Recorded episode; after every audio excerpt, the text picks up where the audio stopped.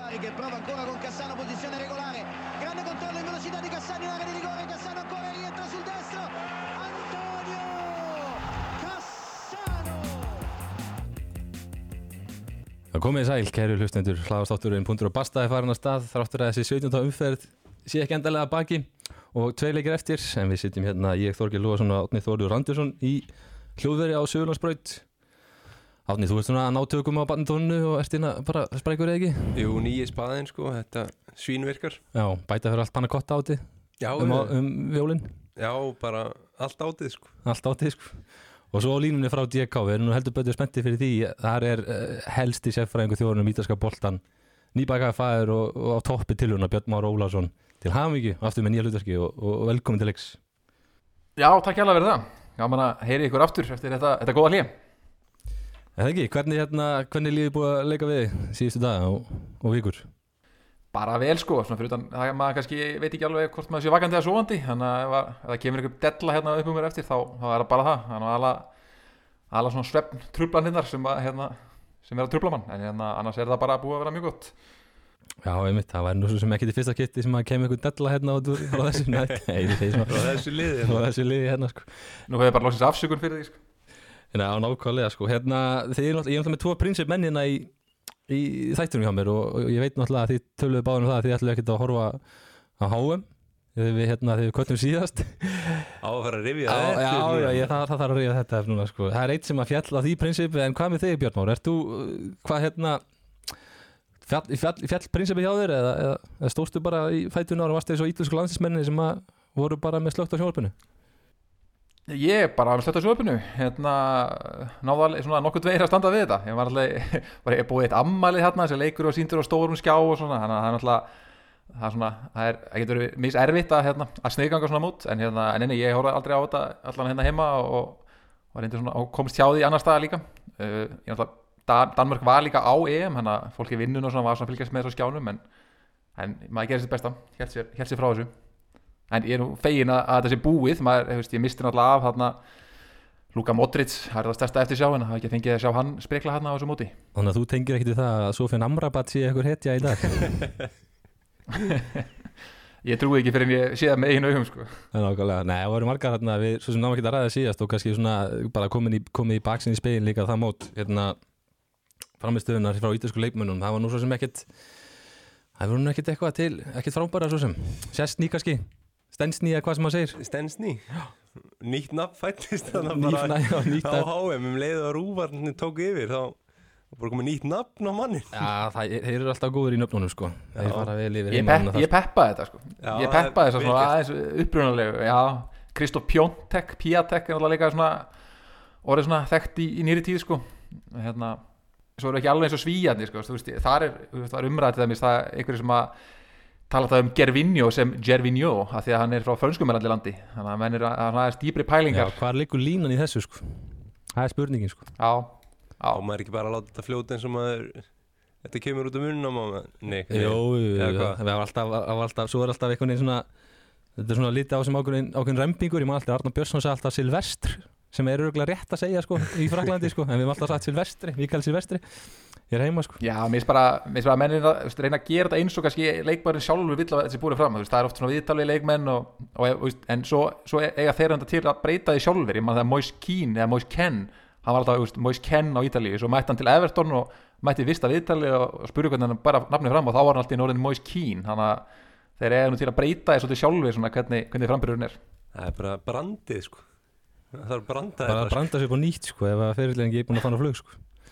en við vorum hérna á föstudaginn hérna ég og Átni og þá var gestur okkar Valur Páll Eiríksson sem að satt hérna hjá okkur og fór með okkur í málefni Juventus sem hann alltaf situr í súpunni eins og, eins og er vel dokumenterað ég held kannski ekki að eða tíma að fara yfir þau mál þessu sinni en bara svona ég held að það sé samt skrítið að Ég verði til í eitt. Já, Ef þú getur skotið inn sko setningu frá honum sem við vorum alveg algjörlega hillaðir af frá vali já bara sem hljóbút Já, bara hljóput já, við við græjum það sko. Og hendið þið inn á eftir. Já, já, já, en ég held að þessi skrítið að fá ekki þín sent í umræðina, Björn, svona, svona í nokkuð stuttum máli, hver er svona, hver er þín skoðun á þessu öllu saman?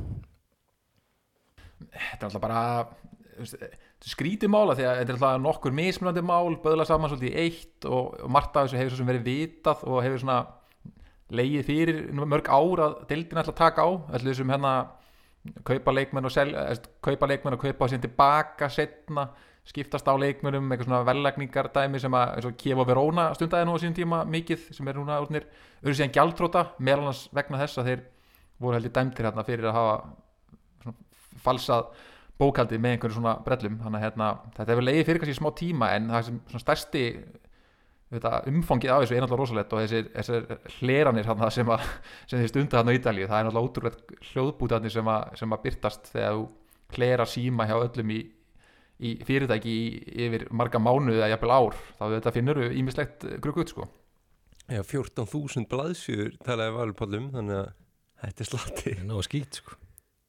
Nó að skýtum við blaðsum þar sko En hérna, já við erum kannski við glindum líka, ég talaði um pannakotta þegar, hvernig var tortilinni í Brúto? Var það ekki, slóð það ekki í gegn eða? Er jú, við hérna eldum það mitt á, á áfangadag bara í hádeginu. Hérna tókum ekki sem aðal, aðal máltíðinu kvöldið en hérna ég gerði eh, bara pasta deg hérna kvöldið fyrir og svo gerðum við bara heimagjert tortellini í, í brótu hérna hádeginu áfangadag og við vorum hérna bara hvort þið bara býðið eftir banninu sem gæti komið hvernig sem er og, og hérna það bara hefnaðist mjög vel. Já, gaman að heyra. mælum, mælum með Já, ekki, við mælum með fleiri réttum handarlega á þessu tímbili, ég trúi ekki öru. Jú, jú, við finnum eitthvað Já, svo keftum við þetta líka hérna kökuna hérna, hérna Panettone? Já, uh, fór hérna í ítalska verslun sem er hérna, sem heitir Supermarko rétt hjá, rétt hjá mér í Danmarku, bara besta verslunin hérna í, á köpnafnarsvæðinu Þar voruð við með alls konar útgáður en ég held ég að kipta einhverja villisa útgáðu sko. það var, þetta var ekki alveg Hvað var þetta súkulega útgáðan eða? Nei, þetta var með sagt, rúsinum sem að höfðu verið höfðu leigið í, eh, í hérna, massalavíni og ég Já. fíla alltaf hvorki, ég fíla hvorki rúsinu nýja massalavín þannig að þetta var ekki alveg að slá í gegnum mér Nei, ég skilði One of two. Já, Ég fór bara í Costco eins og ég talaði um Þeir delivir alltaf pantónunum fyrir jólin hérna sko. Það er bara það var að Ítölsku súkulaði eða hvað varst, hvað varst þú í? Ég fer alltaf bara í klassist sko, sem er með svona einhverjum einhvers konar rúsínum eða þurrkuðum ávöxtum eða eitthvað svona dóti sem er svolítið svona jólalegt á- á meginlandinu að borða eitthvað brauð með þurrkuðum ávöxtum í. Já, Það við búin að krossa allan á jólamatinn og, og býðum hangur til að næstu jólum förum kannski bara yfir í hérna, málefni deildarinnar og, og ræðum það eins hérna, við komum aðeins inn á uh, Íslendingana og, og hérna svona, það slúður sem er í gangi með þá. Uh, Björn, þú hendur á okkur svona nokkrum mólum. Er eitthvað nýtt að frétta af Íslendingum á, á Ítalíu? Nei, ég sá nú uh, frétt núna um að hann Hilmir Rapp Mikalsson, hann að úlingalandsismadurinn sem að spilar í úlingaliði Venezia uh, skoraði tvö mörg fyrir aðaliði byggarnu núna í, í ágúst en hefur ekkert fengið tækifæri með aðaliðinu eftir það. Hann er orðaði núna við uh, París Norðusins, Tromsö í Norður Noregi uh, og ég veit ekki alveg svo sem hver hvort það sé rétt og hérna, hver pælingin sem sé bak við það, hann er ennþá á annar flokks aldrei held ég og hérna og, spurning, og nýbúin að gera fimm ára samning við Venezia þannig að hvort að Tromsö ætla að kaupa hann og, og, svona treyst, á hann á, á komandi árum það væri náttúrulega skemmtilegt og vonandi að hann fá að spila en hérna en svona já, pínu erut með að kannski sjá það, sjá það gerast fyrst hann var að skrifa undir svona, svona langan samning um, og svo er það hérna auðvitað Bjarki Steitt sem er ennþá leikmaður Venezia hann auðvitað, var hann að æfa var með landsliðinu ykkur æfingarferði í haust og æði síðan með vikingum hérna í desember og hann var núna í byrjun janúar skilst mér að æfa eitthvað með hérna Foggia í, í sédeldinni og var eitthvað orðað við þá en það er ekki alveg, ekki alveg séð hvort að það verði eitthvað úr þeim félagskiptum eða ekki, hvort hann fara á lán út tímabilið eða, eða hvað hann gerir. Það sé svona, er svona helstu félagskiptin kalla megin allavega eða slúðrið. Já, Í- Ítalía var náttúrulega að fá nýjan leikmann frá Íslandi nú bara í dag. Margrét Átnadóttir var að fara til Parma í aðdildinni og kemur frá leikmönnum þar, nei fölgar sig, fölgar leikmönnum í, í kannadeldinni Já, bara í mismöndi liði, mér finnst það svo skemmtilegt einhvern veginn að það er ekkert að hópa sér saman sko. uh, hún kemur frá Já. Akureyri og ég sá bara einmitt, það var komin mynd af henni með Buffon eitthvað í dag inn á miðlana sko. Er það ekki það fyrsta sem þú gerir eða? Jú, það lítur að vera Já, það er bara velkomin Margrét Já, það þurfa á hann að halda. Eða Parma sé neðstasæti í hvenna megin og hérna hafa verið að styrkja sig, það var eitthvað vital við hann á .net svæði og þetta gerði sýst mjög hratt núna bara milli jól og nýjás, þannig að það var hratt samband við hana og svona og hún er þetta verið framherri og hérna bara hjálpaði þeim vonandi að- að komast upp úr, upp úr fallbaratunni Já, og við náttúrulega komum líka einnig inn á það að Albert sem hefur verið frábær fyrir Genoa og róðið við Sassuolo það er svona, það er allan ekki hittna þeir orðumar sem við vorum með að síðast náttúrulega stutt síðan en, en hérna hvað finnst þér sem það, Björn? Ég, sko, það er bara það, það, það er gott tækifæri. Ég meina, spurninga er svona hvað tilgangið það gegnir að núna fara þangað? Um, ég meina ef hann hérna, því að þessar sólu er alveg góðu kluggi en ég meina ef hann fer upp með gen og, og heldur áfram þar þá er það líka alveg svo sem góðu kluggi líka. En Sassuolo er bara þess að það er gott að spila þar. Sóknarmenn eru sel- seldir frá til eins og þau rættuðu mig sérst þetta til West Ham, til hérna, Atalanta og í, hérna, í svona stærri lið Juventus og fleira að, og þetta er lið það sem er ekki mikið pressa það er bara lögð áherslu á að spila fallegan fótbolta og sóknarbolta og, og svona þannig að hérna, það er svona svolítið annað en að gena og hann er að spila undir mikilli pressu eh, mikla væntingar, liðið verður að komast upp en ef hann færi til þess að solo þá er þetta meira svona laid back og, og meira svona uh, fallegur fótbolti í, í fyrirrúmi sem að auðvitað er örgulega gaman fyrir, fyrir svona leikin sóknarmann eins og, eins og Albert Já, einmitt, og svo kannski ekki beint slúður en hérna, fyrst að við erum svona að tala um hérna, liðin í neðrildinni þá náttúrulega er Hjörstur Hermansson sem sæti aftur í hérna Písa og, og verið rock solid í vörnið þar. Já, og ég bara kalla eftir því að hann væri næsta fyrir að hann er búin að síðustu þrjú tímabilið, hann er danskur meistar með Bröndby, fer síðan, síðan næstu farin upp með Písa hérna í fyrstu tilraun og, og er núna aftur komin inn í liðið og er búin að, þeir eru á svaka runni, eru aftur komin upp hann í playoffsæti og, og verður bara um að komast upp aftur, þannig að hérna hann er bara búin að vera consistent, solid, búin að spila í þryggjamanalínu eða, eða hafsendi í fjöramanalínu og bara, og hefur einslu, hefur, hefur einn af leikmennum sem hefur farið á stórmót ekki með Íslandi, þannig að í vördinni þannig að ég bara kallið því að hann veri, veri næsta landsinsóp Akkurat, og uh, það er nú svona við fyrir tölum um svona aðra leikmenn uh, erlenda leikmenn, þá er nú ekki mikið verið að reymingum í, í seri A. Og lítið eitthvað sem um að kannski. Frans, Francesco Caputo er komið til Empoli á Caputo er Sampdoria. Já, já, það er svona að stæsta kannski eins og staðin núna. En hann hlaði búið að orða Tegun Kúpmænes og hérna Tegun Kúpmænes og svo fenn Amrabat til Liverpool. Það er ekkert orðið af því að kannski svona maður getur alveg séð það annarkort Kúpmænus líka orðaði eitthvað við Frakland Já, uh, hvort það var Lille eða Renn. Já, hann átti flottu stendinguna HM sko, geggjuð þarna í, í jöfnumarkinu á Hollandi gegn gegn Ar- Argentínu, aukarspinnan hann var, hann var, hann var flottur fyrir Hollandingana Atalanta er, já, At- Atalanta er að selja svo þeir leikmenn, þeir eru að selja hérna, Mal- Malinovski það er einhver útsala og þeir. Eru- ætla ekki að bara leikmenn í staðin en það er er einhver svona einhver skjálti þarna í, í Atalanta. Já, ég er að ruggla, það er Malinovski sem er að fara til Fraklands Já, jú, Já. það passar uh, Svo er uh, hérna Gömulsaga og ný með Davide Fratesi sem að spila mitt fyrir Sassuolo uh, Hann er aftur orðað við uh, Róma og svona annarkort fyrir að síðast fer hann endalega þangað. Uh, ef að tala um ef að þeir ná ekki að græja það í þessum janúarglögga þá muni Sasa Lukic mögulega koma til þessins, hann spila fyrir Torino á miðjum líka, skemmtilegu spilari sem var hérna með Serbíu á HM og það er svona nokkuð neginn upptalið með slúður, það er líka að tala um að hafsendin hjá Spezia og jafnvel hægri bakurinn uh, hérna, Holm mm. sé eitthvað orðað við Juventus og, og Kivior, hérna Pólverinn sem að, hérna, var ekkert sérstakur í þar síðasta leik sé orðað við, við Milan en, svo náttúrulega Rikard Torp, hann situr hann sem fast að Hann stanna er laus. Hann er laus, það er aldrei veit hvað hann fyrr að ég, nei og síðan sá ég að Juventus orðaði við Karnisekki sem að er svona spennandi Ah, markmaður á skemmtilegt. Já, ég er mjög hrifin á honum já, hann er- hann er þetta með var eitthvað. svona mjög Juventuslegt að Já, pikka hann upp já ég er sammáli því að sko, þetta er svona nafn sem á að standa með stangana hjá Juve, finnst mér sko Karnisekki, sko, mér finnst það geðveikt sko, líka er bara með holninguna og Björn, er það ekki bara kjötpókin eða eitthvað? Ha, Er það ekki? ég kann- Er það ekki bara Karnisekki? Er það ekki einhver kjötpóki? sekk, kjötsekkur, eitthvað lýsa Kjötsekkur? Jú, ég held að, ég held að sé það sko og hann alltaf lítur alls ekki út þessu kjösækur hann er alltaf slánalegur og Já, hann er svona markmannsliður markmaður en mikla reynslu þrátt fyrir, þrátt fyrir fá ár þannig að hérna, hann er, já, ég, ég er mjög hrifin á honum. Það væri mjög típist Juventus að- að eiga hann sem svona þriðja markmann á lána einhver staðar eða, eða varamarkmann. Já, ég get alveg trúið að þeir myndi taka hann þá sem varamarkmann ef þeir taka hann í sumar eða núna í glugganum að Perín leiðin. Perín fara sko. Gæ- gætu bara skipt honum út í hjá Cremonese sko. Já, getur mitt gæst, þetta var svona leiðin sem Mattia Perín fór, fór á bekkin hjá Juve og náðu eitthvað aldrei að vinna sér sæti síðan í liðinu sko. Nei, við sáum það líka bara núna á þessu tímbili hann fekk tækifærin en það var ekki að ganga. Svo breytist hlutinir. Já, það væri, væri hérna einmitt gaman að hjá Juventus að fá hérna kjötsekkin og svo butcherinn hérna í Tebol hérna frá Alltík og Madrid sko, sem að Já, þeir hafa verið orðað við Argentínum Sláttar hann hann frá Alltík og Madrid sko. En hérna já, vindum okkur kannski þá bara í, leikina og það var aldrei stór leikur sem að var að klárast í kvöld þegar þessi Mílan uh, tók á móti AS Roma.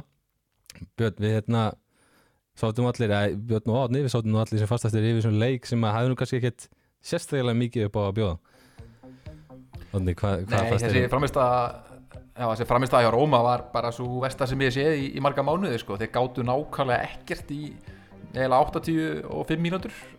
Og hérna Tami Abraham byrjaði, hann var að bekknum í, byrjaði að bekknum í síðasta leik og hérna hann var ekki góður í dag framan allana og, og hann og Dybala og Sanjólo voru hann fremstir og enginn þeirra komst í takt við leikin uh, Asi Mílan leit bara úti svo miklu betra lið, vel drillaðir mjög skipurlaðir, uppspilið gott flæði.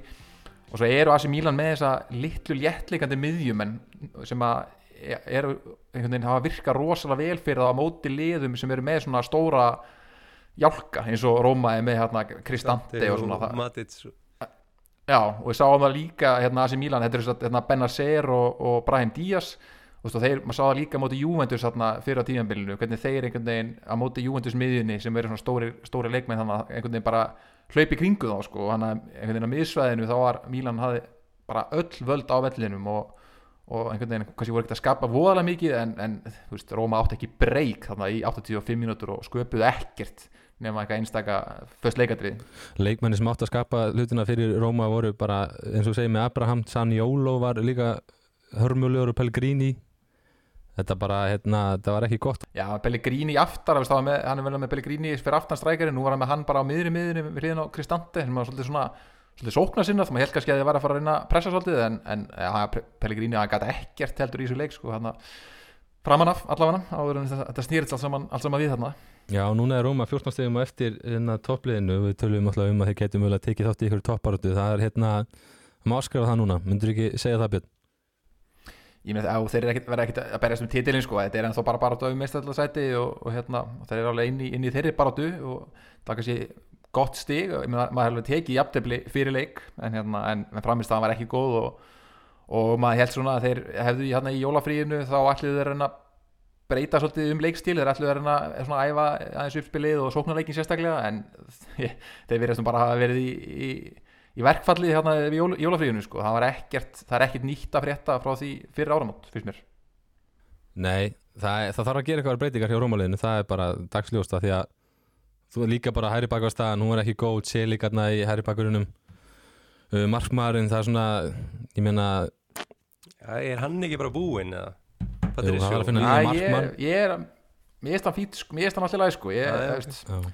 En- Ég, en- þetta já. tímabil svona fyrst mér að Mér Fyrst já, með að hafa mér finnst hann dalað ekki að mikið, vera sko. góður á þessu tímbili sérstaklega sko, og Nei. sáum það bara í leiknum í dag svona, hvað sem að soft hands í hvað fyrsta markið þessum Mílan Já, eða öðru markið þessum já, Mílan já, við erum svona ekki en komin á fyrst annar marki fer af þarna, smóli, breytir þessu stefnu þannig að það Já, er já, já, svona já. fyrirgefnum það sko. en, en fyrra marki var, jú, það var svolítið soft hand sko. en hérna, já Endur koma var vissulega góð og hérna, það var áhugaverð skipting sem kom á 850 mínútu hjá AC Milan hérna, skulum aðeins heyra hérna smá hljóðbrot hérna við viðbröðum Rómamanna.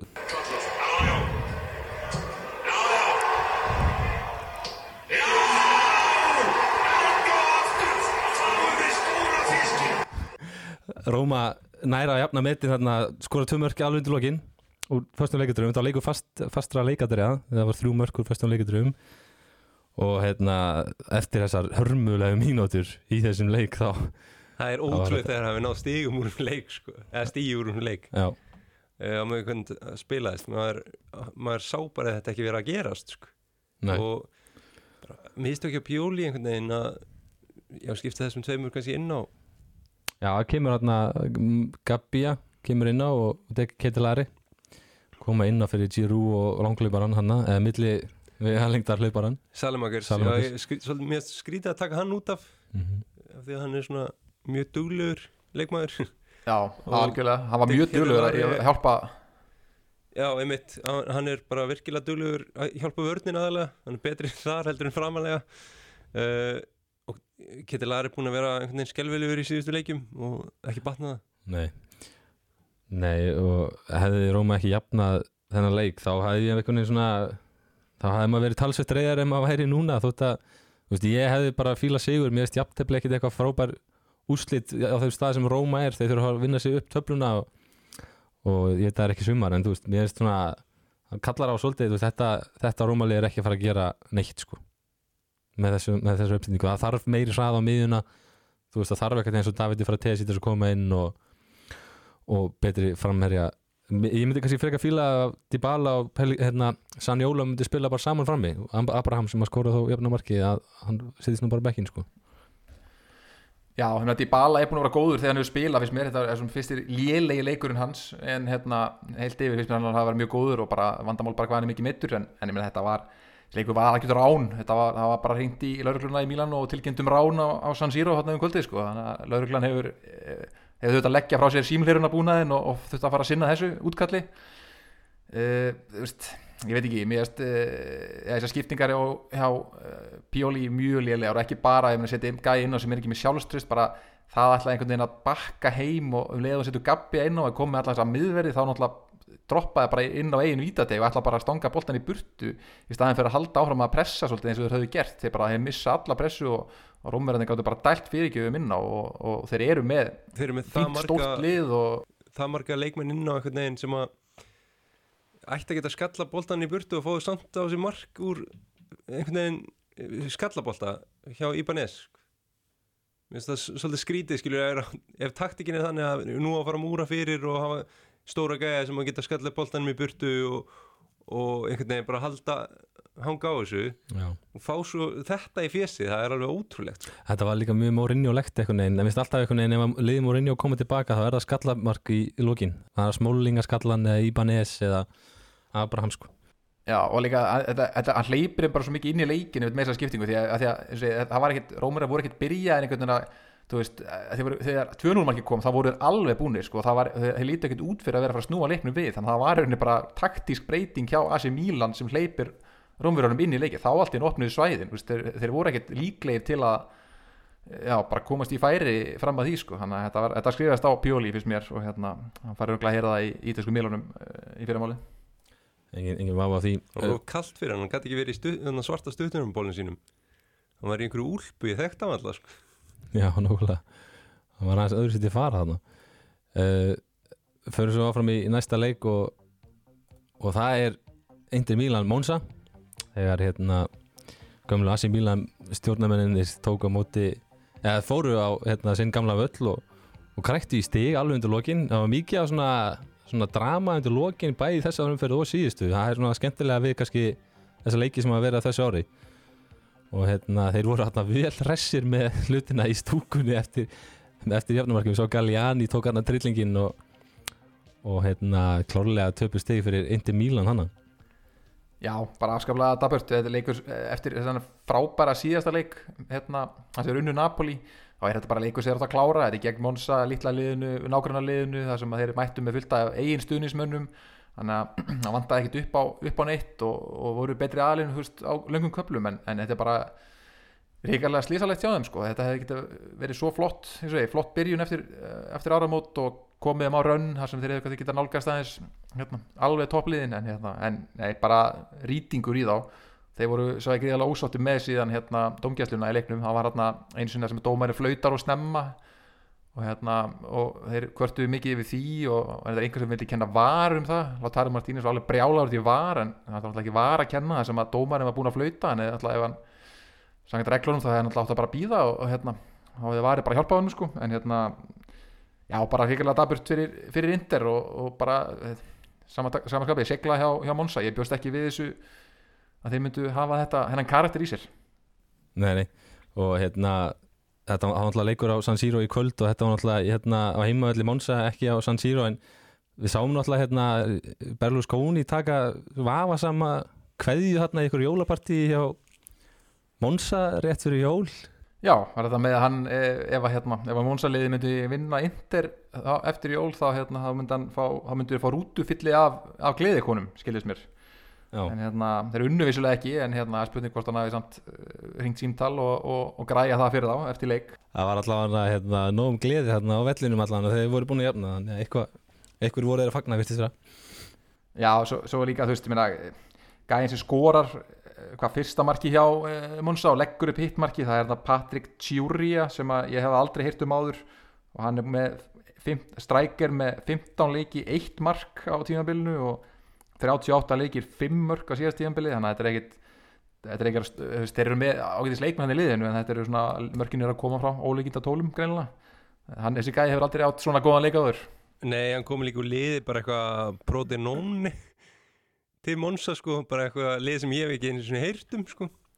Kannski ekki mikið jákvæmt að segja um, um Indi Mílan, alltaf bara glötur stig á þeim með þessu AC Mílan, þannig að Já, og svo mætti nefnilega líka bara Lukaku sem að einmitt á ekki góðan leik þarna og það er bara eins og já, það er eins og hann, hann sé ekkit komin í þetta toppstand sem allir er að býða eftir, þetta er indisturnismenn og hérna, við vitum alveg hvað hann getur þegar hann er hill en, en bara já, þetta er, hann er langt frá því að vera fyrir sitt besta. Og hérna, já, bara eigur á vandamál intellisins Svo í álögataskvöldinu var það Juventus liðin í svarta kvítu, Juventus út í nesi þar sem að hérna, Juventus kristi fram enn einn sigurinn á þess að fá þessi mark. Áttuðu sigurinn í röðu Þetta er náttúrulega bara ótrúlega sigla sko og maður sá einhvern veginn að legri um leiðuði skoruðu þarna eh, sigurmarkið, Danilo setti það eftir stóðsendingu frá Kiesa sem gerir virkilega vel. Tók hann á rugglu stóðsendinga einhvern veginn lagði fyrir markið. Uh, þá bara tók Allegri hann og öskraði á hann á hliðarínuna að sko hann myndi drepa hann eða eitthvað ef hann myndi fara aftur fram völlin eftir það sem eftir var eftir að, sem leik. Þannig að það er, ég veit það ekki ég held að Allegri sé uppbólsmaður stjórnarinnar akkurat núna sko. Hann er bara að sigla inn ljótum sigrum bara viku eftir viku eftir viku.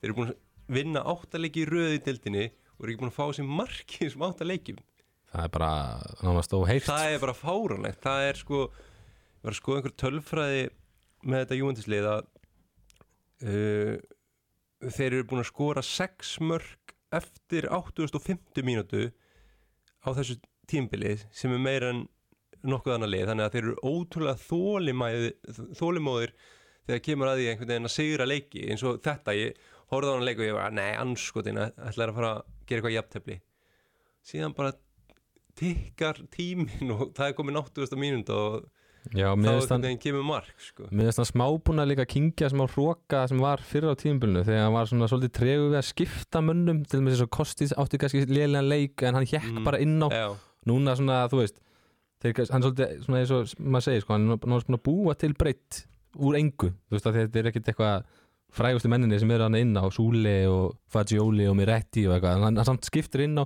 Illing til dæmis. Já, ég held, ég held að sko munurinn kannski á byrjun tímbils og núna er að jú, það eru einhverju menn sem eru komnir þarna inn Paredes og, og Kiesa er náttúrulega komin inn uh, en á saman tíma eru Vlahovits og, og fleiri dottnir út. Já, uh, en að hann treystir núna þessum ungu leikmennum sem voru ekki að fá tækifæraðan til að byrja með sko, nema þá Miretti þá núna er Súle kominn og er að spila svolítið uh, hann er að spila svolítið mikið honum Fagioli og Illing Junior hefur líka náttúrulega spilað eitthvað eins í síðustu leikjum ekki mikið ég held að hann hef ekki komið inn á í þessum leik. Man, man Nei, hann kom ekki inn á þessu leikni uh, en ég held að svona megin bara ástæða fyrir því að Juventus er að ganga svona vel og er að halda svona svaðalega mikið hreinu þeir eru búin að halda 12 sinum hreinu í deildinni í síðustu já, í 17 leikjum sem að er met síðan eða skilu það hefur ekki verið þannig síðan 1966 eða 7 þegar að uh, Cagliari liði helt hreinu 13 sinum í 17 leikjum fyrstu 17 leikjum tímbilsins þannig að það er aðalega vörninn sem er að bara sigla þessu heim sko. mm og það er og þar verð ég að nefna einn mann sem er búin að vera besti leikmaður Juventus á þessu tímbili maður sem að treyði þeim sigur núna í, um helgina. Danilo, hann er bara búin að vera óstöðandi í vörninni. Þegar hann hefur spilað miðvörð þá hefur liðið bara verið frábært. Já, hann hefur spilað líka einhverju leiki í bakverði og það hefur ekki Juventus tapað einum og gerði jafntefli í einum held ég. Uh, og munurinn líka er að ja, Stensni er komin í markir uh, í staðan fyrir Perín og varnalínan einhvern veginn fílar hann greinlega betur eða tristur honum betur og, og síðan er bara kannski svona toxikið í, í vörninni sem er farið líka út úr liðinu Bonucci, Já. hann hefur verið bara skelvilegur hann er bara, dottin út og hann er byrjar að treysta bara á aðra varnarlínu. það er bara hver sem kemur hann inn spilar bara vel hliðin á Danilo. Það er bara Rugani er farin að spila eins og heimsklassa miðvörður. Já, Já, þetta er, veist, þetta, er svo, þetta er svo mikið hérna, að leikir bara að finna sitt lið. Og þetta er það sem hann gerir líka, gerir líka best þegar þið voru að vinna hérna, upp því besta, veist, hann tók svona tíma í að finna bara veist, sitt lið á tímabilinu.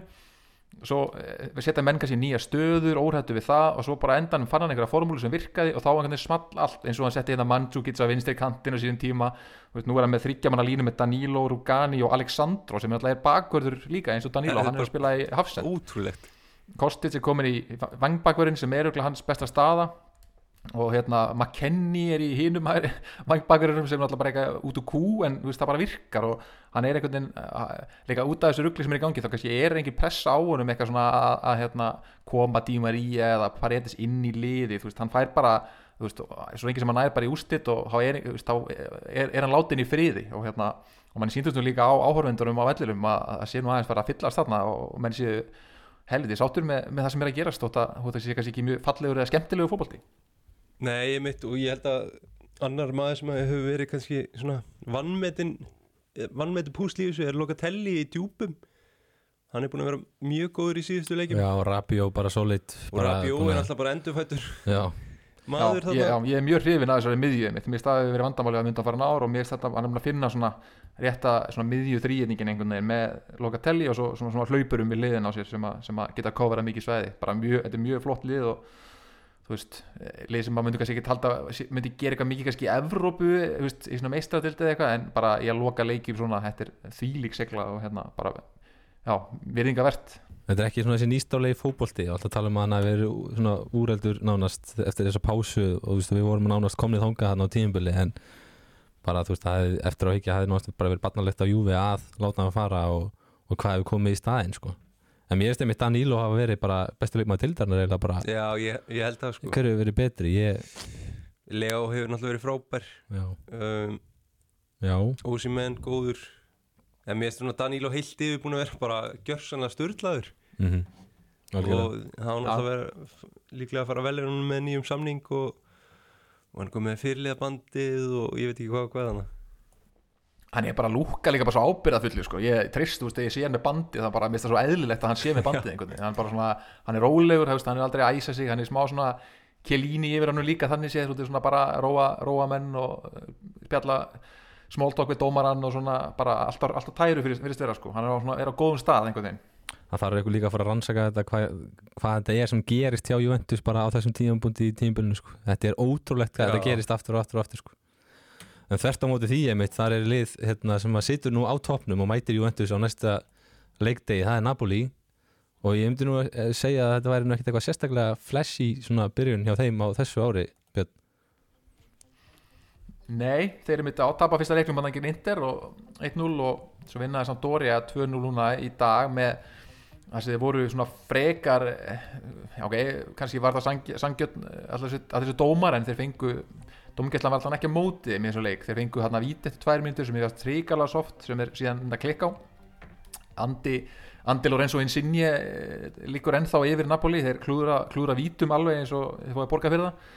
En hérna já, svo fá, fær hérna svo komast þeir yfir með flottu marki frá Osimenn og síðan fær Rincon hérna við maður samt Dóri að raut spjald í fyrirháleik sem var líka svona, var, var, var hann að taka nýr aftasta mann eða ekki, þetta var svona hefði mátt dæma guld uh, mögulega, en hérna en þeir þurft að hafa virkilega fyrir þessu og þetta er ekki alveg eins vel spilandi Napoli-lið og við höfum séð, það er svona aðeins það er aðeins fara að hyggsta fyrst með spilamennskan og hver að skilja ekki alveg komið í sama flying formi inn í, í tímabilið núna eins og hann gerir í byrjun hérna, hann það er svona kannski smá eh, tekn á lofti og, og hérna, ég held að þeir séu alveg svolítið stressaðir að vera að fara að mæta Juventus á, á föstudaginn Já, það er náttúrulega bara það er nánast bara titil bara, bara svona title, hvað sem það er title já bara ef Napoli breaking vinnu þann leik game, sko. já, ef Napoli vinnu þann leik þá er komið tíu steg af fórustu Hva, Hvað er leikurinn? Er þetta í Napoli eða, eða Torino?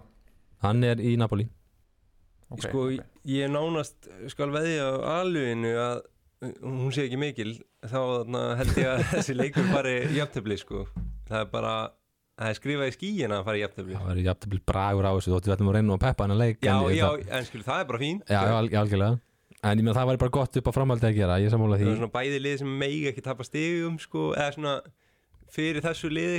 Mm -hmm, þannig að Já, en það má nefna líka samt dórið að daga það, var, það, er, það lifir alveg í þessum klæðum sko, þegar eins og þeir eru búin að vera lélegir hinga til þá unnuður hérna í síðustumferð gegn Sassuolo, þeir eru komin með e, nöyt hérna í vörnina, nöyting frá út í nesi sem er svona einmitt svona gæði sem þeir þurfa, svona kjötstykki og svo eru þeir hérna orðnirlega sprækari. Og þeir voru þetta fyrir leik í dag, voru að heiðra bæði Gianluca Vialli og sínist sem Mihailovic báðir fyrir um leikmenn samt Dória sem hérlu frá eh, fyrir skemmstu. Þannig að hérna og það var velmætt á völlin það var mikið bakking með liðinu og, og þóttir að það hafi verið manni, fleiri, nei, manni færir í meirinn hálfleik þá, þá voru þeir virkilega vel inn í þessu og mikið baróta og, og, og andi og svona. Þannig að það er, það er eitthvað svona aðeins í gangi hérna í, í Genova og hérna svona kannski þeir sjáulega fyrir sér að geta, geta snúið þessu við. Þeir þurfa, þurfa aðeins meiri hefni en hafa verið með en hérna en það er, þeir þetta ekki að gefast upp.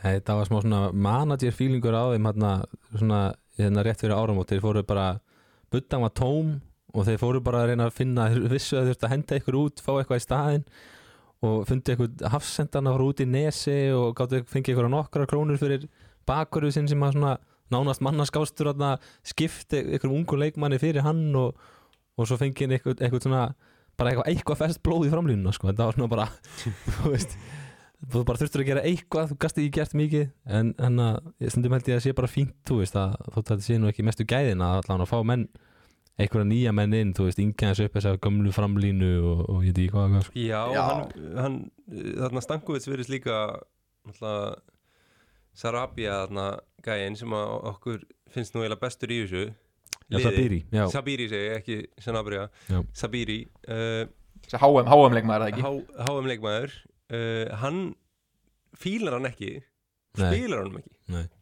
það er eitthvað, já, bara fílar ekki attitútið eða eitthvað í honum. Af því að mér finnst hann svona kannski tæknilega bestur í liðinu eins og staðan er. Já, einmitt og maður sá HM mitt, hann var oft ekki heimagengt í liði þar, sko, þannig að þessi leikmaður sem ég var svona hrifnir af þessi luxusleikmaður, að- maður- hans svona svona, his flaws eru svolítið að koma fram skæla, sko Já, en þeir hafa stjórninni á Sampdóri hefur líka ákveðið að bakka stanku þessu upp hann, hann tók við þarna og tapaði fyrstu fimm leikjunum með eitthvað og, og var bara tilbúin að hætta. Hann ætlaði heldur þess að hætta bara og hérna sagðist bara ekki einhvern veginn geta, geta snúið þessu við en hann, þeir hafa samfært hann um að halda áfram og hérna og hann það er, eins og það er eitthvað þarna. Að við tapa þetta þá, þetta er ekkit alveg dött og, hérna, og, og það er líka þá á Ítalíu þegar gengur ítla þá, mæta, þá fara stjórnismennir að mæta þú veist, í svona, svona baróttu og rallega upp með bakvið, á bakvið liði þannig að hérna, jú, þeir, þeir geta alveg þeir mun alveg berjast fyrir, fyrir sínu seti Já, þú komst aðeins inn á að vera að heyra þarna Vialli og, og hérna Mihailovic uh, einhver orðum Vialli kallinn sem að fellur frá hérna allt á snemma?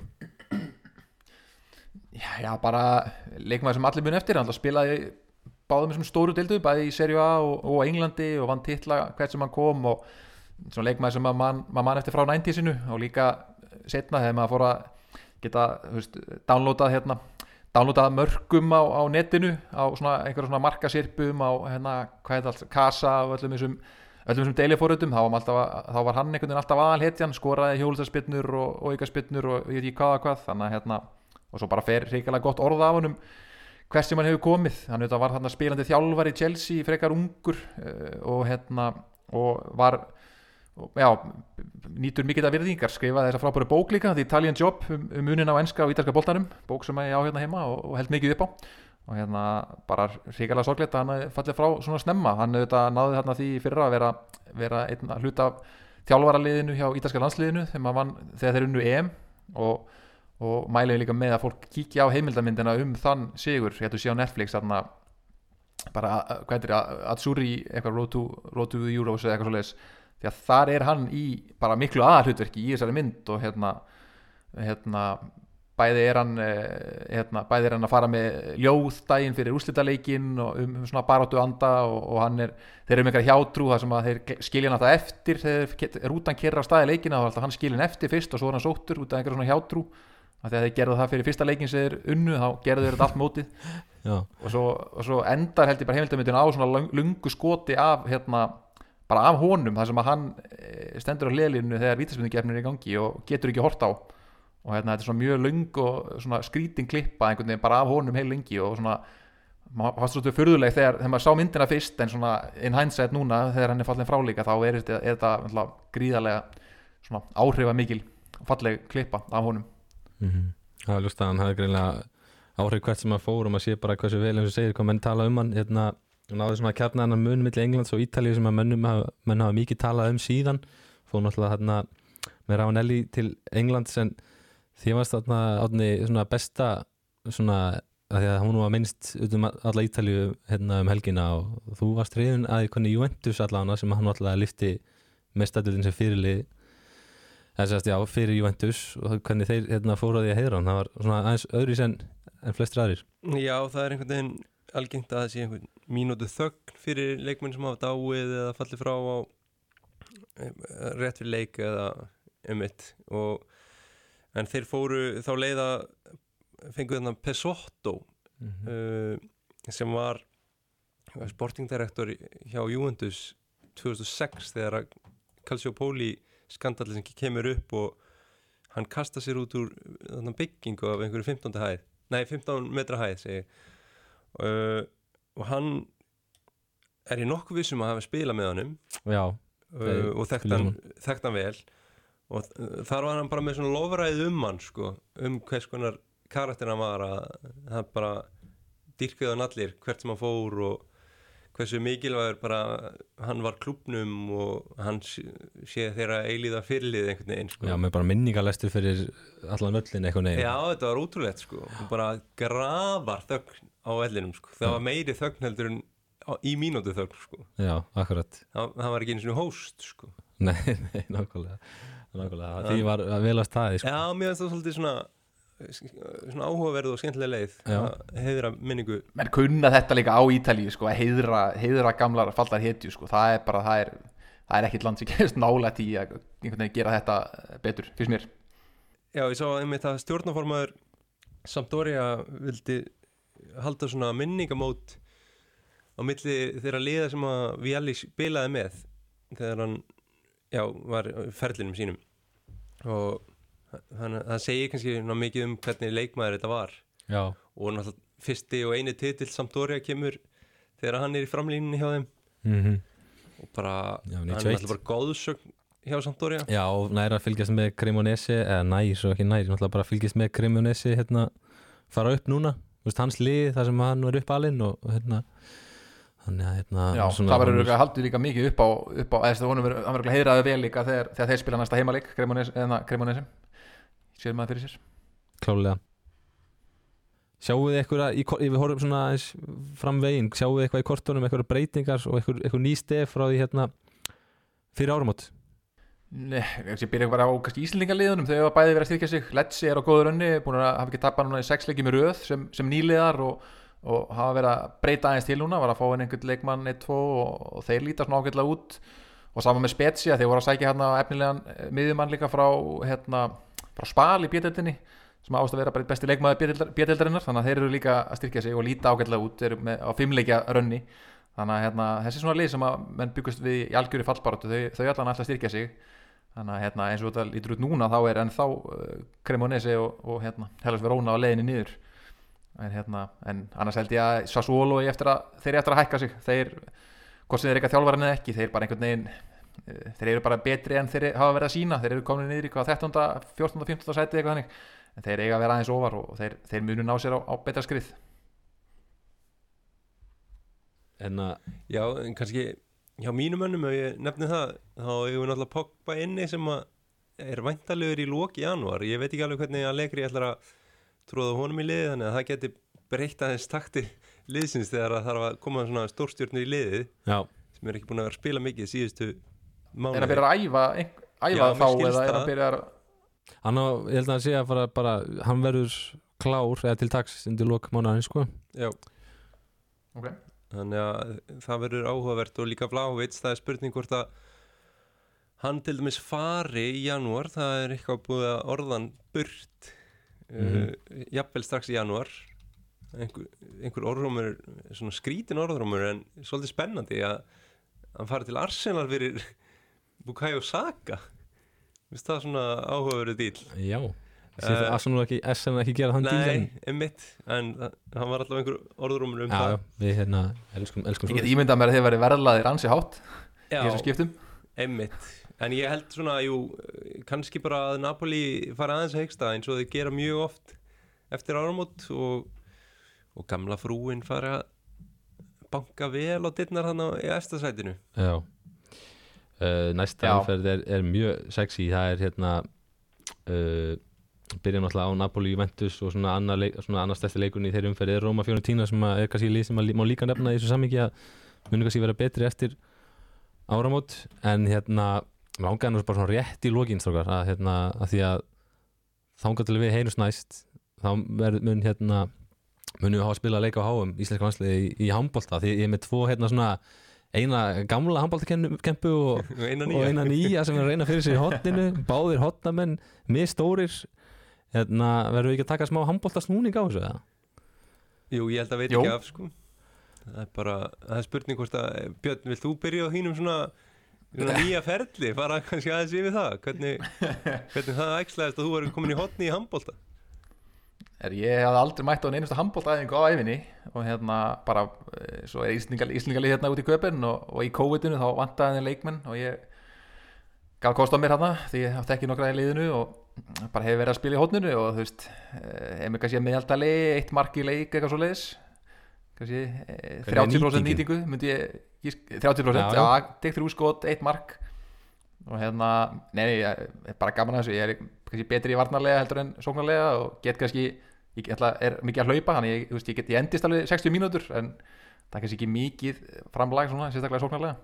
En svo- er svo í- línu og eitthvað svona Nei, ég gerði það í mínu fyrsta leik og ég steig svo oft á línuna og dæmt lína ég beðin um að gera það bara aldrei aftur þannig ég er mjög lítið að hlaupa inn á línu mjög klaufskur við það þannig að ég, ég var beðin um að láta það eiga sig og nú býð ég eftir að það kallað í mig ef ég á að, ef ég á að leysin en hérna, en svo, fljó, svo fljótlega eftir að ég byrjaði í handbólta þá, hérna í góðutinu hana þá, þá hérna, þá var síðan síðasta þá var, svo byrjaði stórmóti hérna síðasta þegar okkur Íslendingum gekk svona vel og þá hrúaði náttúrulega inn fullt af Íslendingum í köpun sem byrjaði að mæta. Þannig að þá veginn vorum við búin að fylla lið og eftir það það hefði bara svona verið svona rotation hlutverki. Ef, að- ef að það frá mér að halda þá, þá mæti ég í, í hérna einhverja, þú veist útileiki sem er erfitt að manna hérna upp í, hjá, hjá kaupmannannaliðinu eða?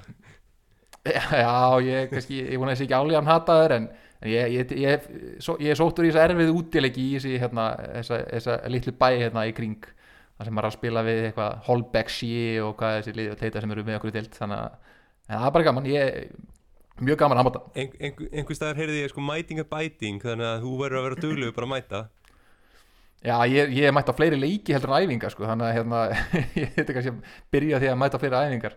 Ég, líka, ég spila það sjaldan að hérna, ég þarf alltaf að teipa á mig puttana ég, ég ætla að hérna, svo óvænu harpingsinu og með algjöra skrifstofu putta þannig að ég er alltaf bara teipaður í baka fyrir þegar ég spila leikina því að það er svo langt á mill alltaf þannig að hérna, já, ég held að svona, og núna þegar maður var einhvern spann og, og er í fótbolta og, og fleiri þá kannski þegar maður aðeins að þá er handboltin sennilega það fyrsta sem, að, sem ég kötta Ertu svona eins og Bjarki Már eða ertu svona eins og Óðin Þór? Ertu í snuttunum eða ertu bara að setja hann fast á markið eða? Hvernig svona þegar þú ferðin úr hodninu Uh, sko, ég byrja alltaf á því að setja einn í nærhóttnið Já. og markmæðurinn tekur það sko, þá svona ok, veit hann það. Svo eftir það þá raða ég honum bara í fjærhóttnið sko.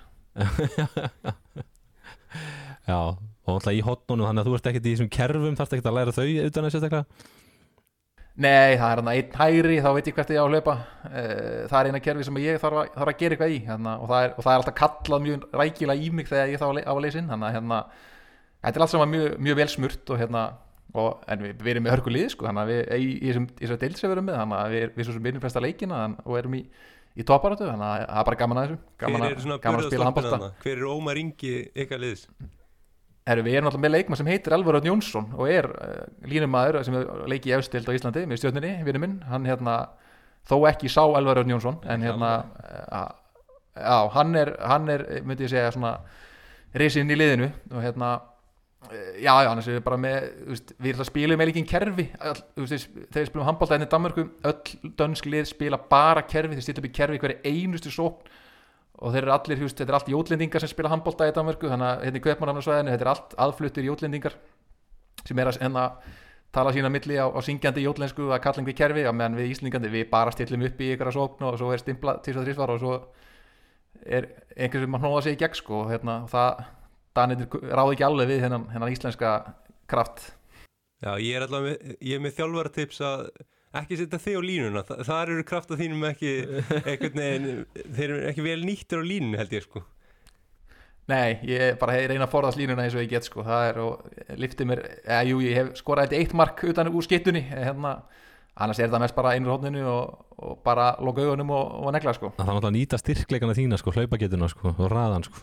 Sér er ég mjög segur í vítunum á æfingum sko, þá er ég ofta að taka, taka víta, vítakernina sko, en hérna, svo í leikjum þá hefur nýtingin alveg, ekki alveg verið jafn góð, þannig að hérna, ég þarf eitthvað að æfa það líka Já, Átni, þú hérna, ertu búin að skrifa undir hjá liðinu sem þú varst að, eða hérna hjá bænum sem að þú varst að fara í? er, Því miður, þá er ekki búin að finna lið? handboltaliðið bra sko en ég spilaði með aðeins þarna, Tita Giardino sem er í Torino sem er bara handbóltaliðið þar. Handbólti er náttúrulega kannski ekki það stærsta já, Ítalju, þetta er svona með lélegri liðum í Evrópu boltanum.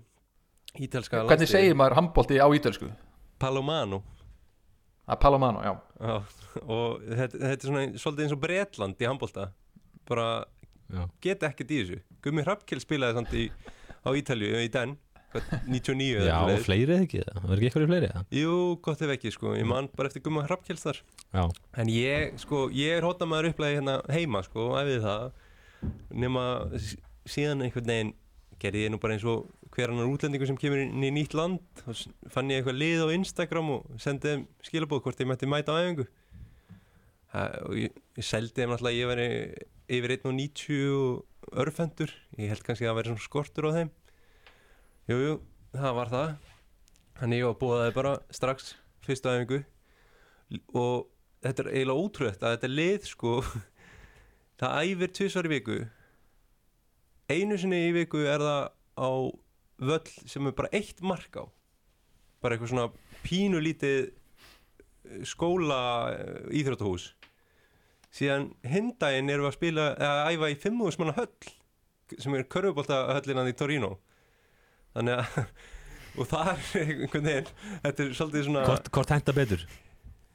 ég er meira fyrir fimmúðismanna höllina sko. Já, en, en hi- hitt er líka skemmtilegt og ég var náttúrulega bara sett beint í skiptustöðuna því að ég er svo hávaksinn hana ég spilaði nú alltaf hotnið í gamla daga en sendur í skiptuna og við erum með króata á línunni og, og, fleiri góða menn þarna.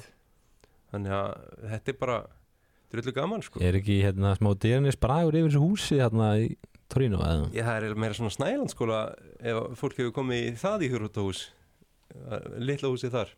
Já, það er klassíst En, en er, er hérna svona stereotypunar í ítalska fótboltarum eiga það líka við í handboltarum er, er einhver síðherður nummer tíu þannig að dreifa spyrinu og eru er leikaraskapur og handarhefingar já, og, já, já. Það er eitthvað delvekkjóðan í hotninu eða ekki, eitthvað krullhærður hérna svolítið svona skemmtilegur Það eru alls konar karakterir þarna sko. Það er eitt Fabio sko.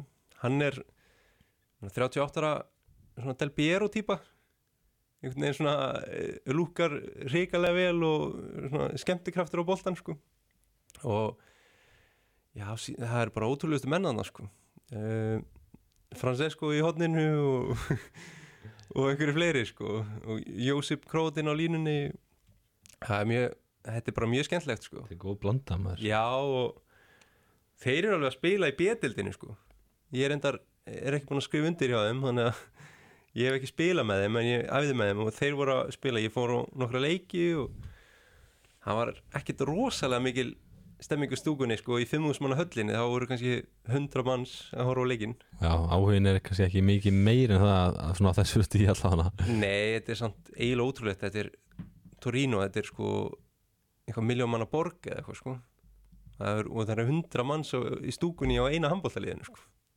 Já, það er mjög skrítið já, En á Ítalíu er alltaf kannski fara bestu handboltamennir í, hand- í sundknallik, það er alltaf stort á Ítalíu sko. Já, Þeir það er eru rétt. góður í því. Það er rétt. Ég, ég einhvern veginn væri alveg til að fara bara Taka það reysa handbóltan bara upp þarna á Ítalíu sko. Já, já, taka eitthvað svona eða bara þú fer í ekki, þetta í Íslingu, þetta ekki ágættur í sundi eða? Jú, jú, ég taka einhvern svona bótan dæmi að ég mætti Já, þarna að vera að eitthvað breiður kenna- út bóðskapin eitthvað. Já, Já, en sindknalleikunum getur líka verið Það á góður eftir að koma handbóltanum á stallan eða það er allavega að takk væri fyrir því. Já, 100% Hvað hérna, Já, með sundknalleik eru menn alveg tveir metra sko, þannig að það, það gleymist oft sko, það er menn Þeir eru með einhverja hjálma eða ekki? Einhver svona hettur. Jú, hettum með svona eyrum. Passa, passa hausinn maður. Já, Það er, þetta passa, passa betur upp á hausinn þarna heldur en í NFL-inu sko. Já, svo áttu með langar, langar táneglur alltaf að vera sundknalleik langar táneglur svo það getur aðeins skrapað anstæðingin undir vatninu. Það er svona múfi sem þeir taka svona til þess að undir vatninu. Já, góða rýting af tónum sko, það, það hjálpar. Haldið að hérna er, Haldið að Íslandi að fara að gera gott mót á, á hóma Áni uh, Já, Já, er það ekki það? Ég sko, ég vil lámarka velunasæti sko. Það er ekki hægt að einhvern Ég veginn langar í peningin Já, djöfull sem ég langar að vinna þetta bara sko. en ég veit ekki það, það gæti, gæti orðið erfitt sko. ég sætti mig við bronsið Já Múndi hérna Þú missir kannski svolítið að þessu hérna, fári hérna heima Björn en, en kannski samt færi ekki eitthvað smá svona smjörð þegar aðeins á hann úti jú, jú, þetta er alltaf handbólti er alltaf stó, helviti stór inn í Danmörku sko, og þeir alltaf eru sjálfur vongoðir um, um sigur þannig að hérna Já, ég, ég peppaður, ég held að einmitt væri til í bara árangur. Sem er að síðasta móti voru að spila góða bolta og svona sína takta og eitthvað en veist, það var, það var fínt. Vorum þetta óöfni með þetta COVID-ruslatna en hérna, nú vil ég bara sjá árangur sko, og sjá, hérna, sjá okkur alveg fara alveg og langt og, og svona gera allu, allan allu að tillinum, Já. Séum alveg ættum alveg að vera með, með liði það. Það er gaman að sjá hérna handbóltagreiningu frá ykkur á næstu vikum hérna handbólta síni annir tveir hérna í stúdíónu en hérna já við bara hlökkum til þess og hérna sömulegis að sjálfsögðu ítalska boltans uh, bara núna kemur þetta thick and fast eins og breytin segir og hérna nóga umförðum og nóga vaksjunni og titilbarata og, og spenna og ég veit ekki hvað og hvað. Við hérna segjum þetta bara gott hérna í köld á sögularsbrutinni og, og hérna til þín Björn í Danmarku og við bara verðum í, í bandi. Yes, gerðu það. Segjum það í bilið Jú. ekki? Takk fyrir. Takk fyrir